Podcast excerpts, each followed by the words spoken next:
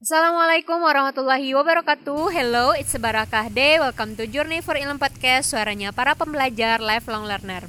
Di podcast kali ini sudah ada tamu yang membersamai Indri nih di sini secara live di bawah rintik hujan. Teman masa SMA yang masih berhubungan sampai saat sekarang Elva Della Rahmanisa. Halo Cadel. Hai, assalamualaikum warahmatullahi wabarakatuh guys. Waalaikumsalam. Jadi gini nih Cah kita bakal cerita tentang sesuatu yang penuh dengan stereotip bahkan sampai sekarang gitu. Mengenai posisi seorang anak bahkan dia ketika anak bungsu, anak tunggal, anak tengah maupun anak sulung. Mungkin kalau Ica sendiri kan anak tunggal nih dan Indri anak bungsu. Masih kekurangan beberapa posisi lain. Tapi semoga bisa terwakili ya Ca dari cerita kita, apa yang kita lihat dan apa yang kita dengar nih. Kalau dari Ica sendiri sebagai anak tunggal yang katanya itu sangat merasakan penuh kasih sayang orang tua, da, tapi di satu sisi mm, mereka merasakan sesuatu yang dinamakan kesepian. Bener gak sih Cah? Kayak gitu anak tunggal? Kalau untuk kesepiannya ya juga sih. ya Allah, sepi banget. Cuman kalau Ica dikelilingi oleh sepupu-sepupu dari anaknya adik-adik mama dan anaknya kakak dan adik papa, enggak sih enggak merasa kesepian justru dari kehidupan persepupuan itulah Ica hidup. Dan Ica punya kakak dan abang, jadi tidak merasa hidup tunggal. Cuman kalau ketika di rumah dan posisinya itu adalah Ica sendiri dan orang tua minta bantuan ya Ica harus bisa kerja laki-laki, bertukang, uh sendiri. Walaupun perempuan ya kalau misalnya posisinya kalau Ica posisinya sekarang anak tunggal perempuan ya Ica harus bisa jadi laki-laki juga untuk diri Ica sendiri. Asik. Kurang lebih Indri bisa merasakan apa yang dirasakan anak tunggal ya Ca, walaupun bukan sepenuhnya karena jarak antara kakak laki-laki yang di atas itu sama Indri itu cukup jauh sekitar 13 tahunan jadi mereka sudah merantau dan cuma Indi di rumah sejak TK bahkan gitu ya Ada sale. Sale kalau di Minang ya iya Ca. betul betul betul. dan itu memang ketika kita sendiri di rumah emang kita saja yang eh, orang tua perhatikan tapi tidak menutup kemungkinan posisi kita di keluarga itu juga terisi kesendirian kita terisi oleh sepupu dan sebagainya kan? Hmm, hmm, hmm. Terus juga ada anak bungsu kayak ini nih Cah sesuatu yang sering dibilang em, manja gitu ya Iya, anak manja gitu ya Eh, eh, eh. tapi di satu sisi ini pernah bertemu dengan anak sulung dia anak sulung dan Indri hidup bersamanya dalam eh, kos-kosan atau asrama gitu ya Cah dan di situ melihat kebiasaan bukan hanya dari sekilas gitu melihat kebiasaannya cara hidupnya dan di sana Indri mengambil kesimpulan bahwa nggak semua anak bungsu itu manja kalau dia nggak di rumahnya gitu cah Hmm, hmm. jadi artinya kalau dia berada sama anak sulung lain mungkin dari keluarga lain, dia bahkan bisa di atas anak sulung itu kedewasaannya. Bisa jadi anak sulung di satu keluarga itu bisa lebih manja dibanding anak bungsu di keluarga yang lain. Iya. Kalau Ica setuju nggak Setuju sih. gitu? Setuju. Eh, istilahnya dalam pembentukan karakter anak lah ya gitu. Iya betul.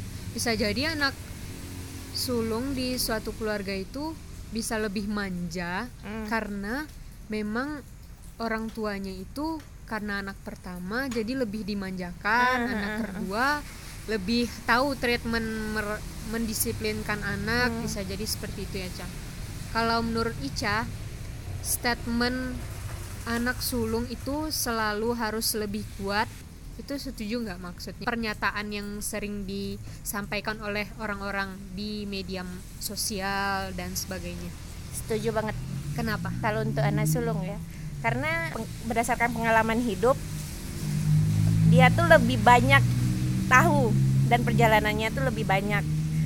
Ya kalau misalnya anak sulung ini manja, lebih manja lagi dari adiknya. Kayaknya posisinya nggak tepat deh. Karena ketika kak, seorang kakak bisa mengayomi adiknya dan mengajarkan adiknya ke yang benar, apalagi dia memiliki pengalaman dan pandangan yang lebih luas dari adiknya yang baru lahir istilahnya kayak gitulah seorang teacher bagi adiknya sih si kakak sulung ini Indri juga merasakan hal yang sama ya Ca. Jadi ketika mereka menjadi anak pertama memang pundaknya harus lebih kuat dibanding anak-anak yang lain. Itu yang pertama karena mereka lebih tua dan secara fitrah memang walaupun tidak ada aturan mengikat yang lebih tua itu harus eh, mengayomi dan sebagainya itu memang hal yang tidak bisa kita tutupi hal tersebut ya Caya. Dan yang Betul. kedua mereka menjadi kebanggaan pertama dari keluarga itu gitu ya Betul, Ca. betul, Jadi betul. kenapa mereka harus kuat lebih bekerja keras dan dia berharap bisa menjadi panutan bagi adik-adiknya itu adalah tantangan yang dikasih Allah buat anak pertama dan pasti mereka mampu buat berada di situ gitu ya Ca. Jadi secara tidak langsung kenapa seseorang itu diletakkan di posisi pertama dalam sebuah keluarga pasti ada alasannya Ca. Bukan hanya karena dari dia kuat dia lebih dewasa tapi bisa jadi dia memiliki ilmu yang lebih buat mengayomi juga adik-adiknya gitu ya Ca. Tapi dibalik kita mengunggulkan dan memuji-muji anak pertama nih Cah, kita lupa nih ada anak kedua. Oke. Yang kadang katanya itu sering dilupain karena orang tua lebih fokus sama anak terakhir. Karena yang kedua ini udah lebih dewasa lah dibanding adiknya gitu. Jadi kadang kurang mendapatkan kasih sayang gitu. Kalau di sekitar Ica setujuin. Jadi betul gimana nih? setuju banget. Jadi ada salah satu kasus lah ya di di keluarga Ica. Dia punya tiga anak satu dua tiga yang anak pertama itu bisa dibilang juga manja eh, tapi sikapnya dewasa anak terakhir emang dimanja dan masih kecil juga kan.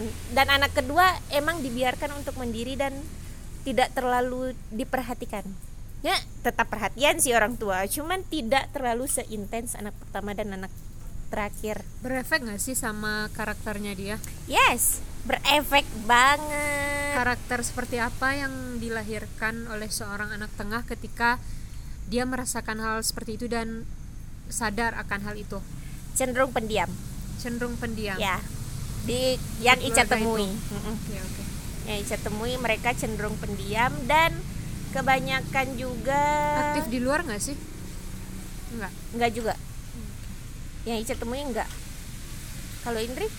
Katanya anak tengah itu kalau nggak pendiam banget yang kata Isya tadi itu tertutup. Kalau nggak benar-benar show off keluar gitu menghabiskan masa-masa mudanya terus lebih sering di luar daripada di rumah.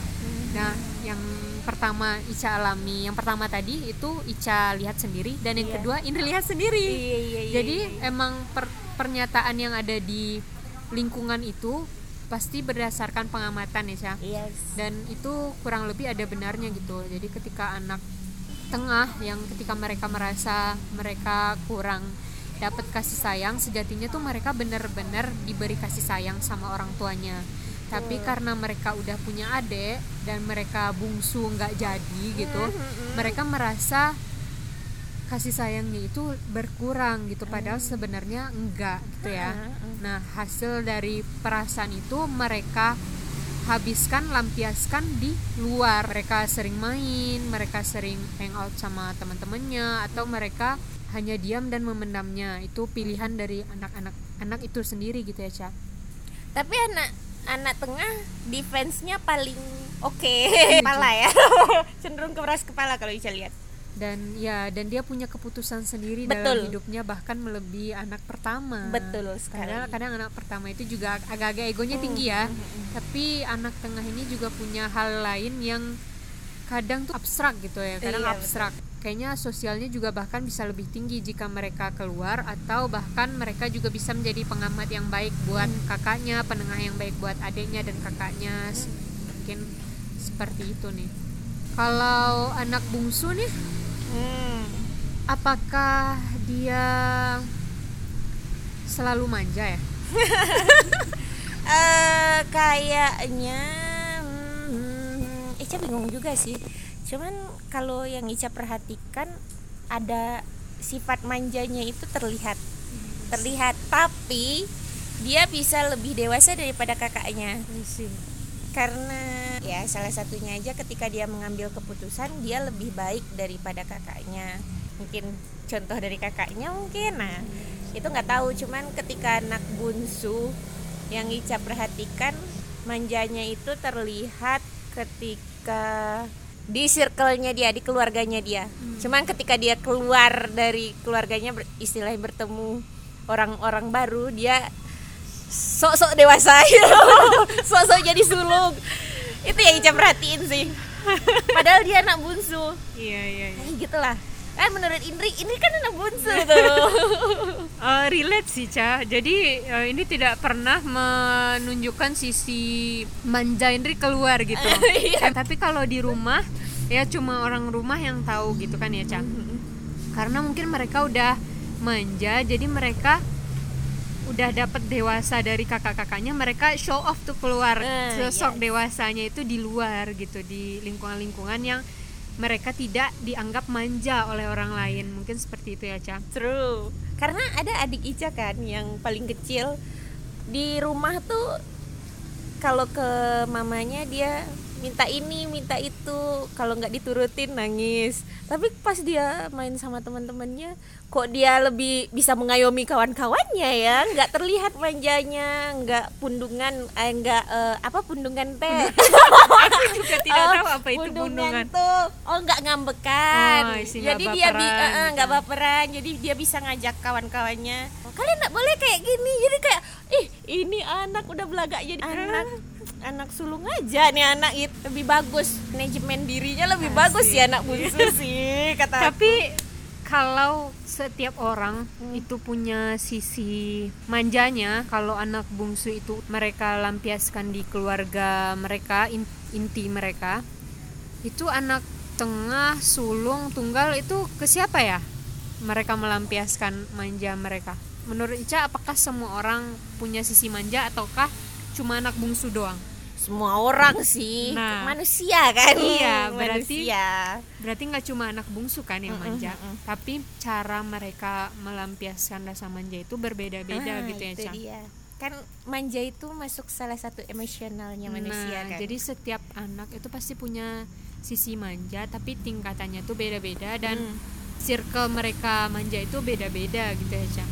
kalau dari sisi posisi seorang anak itu anak pertama, anak kedua, anak ketiga ataupun anak tunggal, apakah ketika nih pemisalan dilahirkan kembali, Ica akan memilih menjadi anak tunggal lagi ataukah posisi lain? aduh nggak tahu eh tapi Ica menikmati sih ya kayak kayak gini kayaknya masih ber- berharap jadi anak tunggal lagi Kenapa? Kenapa?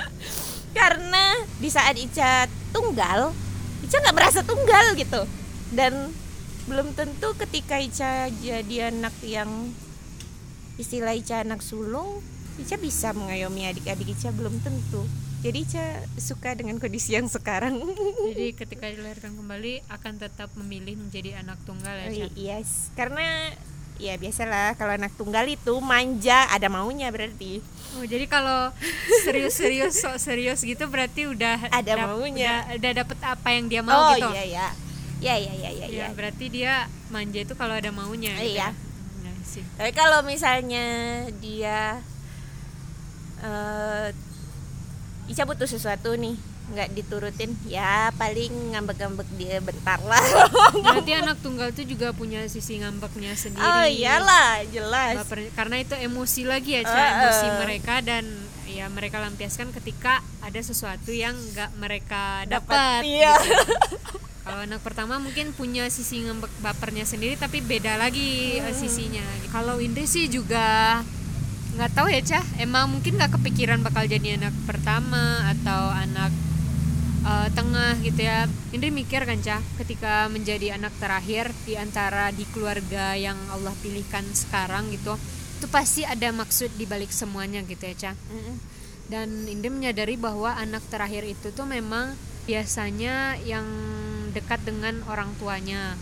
Mungkin bisa juga sama seperti anak tunggal posisinya di mana dia sudah berada di posisi ketika orang tuanya sudah dalam tahap lanjut usia. Ah. orang ketika orang tuanya udah mungkin pensiun atau ketika orang tuanya hampir detik-detik pensiun pokoknya udah lebih tua dibanding ketika anak pertama lahir gitu ya. Dalam artian berarti ketika kita udah mendapati orang tua kita dalam masa senja bahkan sunnahnya itu diminta untuk merawat gitu kan ya menjaga orang tua menemani. Itulah kadang uh, posisi dari anak bungsu yang dibilang anak sale kalau di Minang itu ya untuk uh, mendampingi orang tuanya di masa hmm. tuanya mungkin itu hal yang membuat anak bungsu kadang susah jauh-jauh dari orang tuanya uh. bukan karena kadang dia manja dan sebagainya tapi dia kayak punya tanggung jawab moral untuk berada di sisi orang tuanya uh. kalau menurut Indri sih gitu iya betul tapi nggak menutup kemungkinan juga orang tua kan nggak hanya nggak melarang orang anak-anaknya merantau gitu ya iya. meskipun dia bungsu tapi anak bungsu tentu juga punya pilihan sendiri buat memutuskan hidupnya selama dia rasa itu baik buat dia dan orang tuanya pun menyetujui. Nah, kalau dari Ica sendiri nih ketika anak tunggal sama-sama ngobrol sama anak tunggal itu ngerasa ih nyambung banget nih dia anak tunggal ya atau oh nggak masalah sih anak mau anak tunggal mau anak sulung mau anak apa nyambung nyambung aja gitu. Kalau Ica tipikalnya nyambung nyambung aja ke siapa aja sih. Jadi nggak baik dia anak tunggal baik dia anak sulung baik dia anak tengah. Jadi nggak milih-milih ya? Hmm, ketika kita emang nyambung. Tapi kalau nggak nyambung ya gimana diteruskan ya kan? Iya. ya masalahnya kalau Ica yang ya Ica lihat kalau ngobrol sama anak sulung, ih gila pemikirannya dewasa ya, penglihatannya lebih luas. Taruhlah kalau dia umurnya lebih tua dari kita. Dan kalau misalnya ngobrol sama anak tengah, ih gila independen, prinsipnya kuat sih. Tuh ya Ica pernah ngobrol sama anak anak tengah. Kalau ngobrol sama anak terakhir, ya Ica ngelihat kalau dibilang chill dia sih enggak tapi kalau misalnya ngobrolnya sejalan itu tetap lanjut. Lain lagi sama anak tunggal.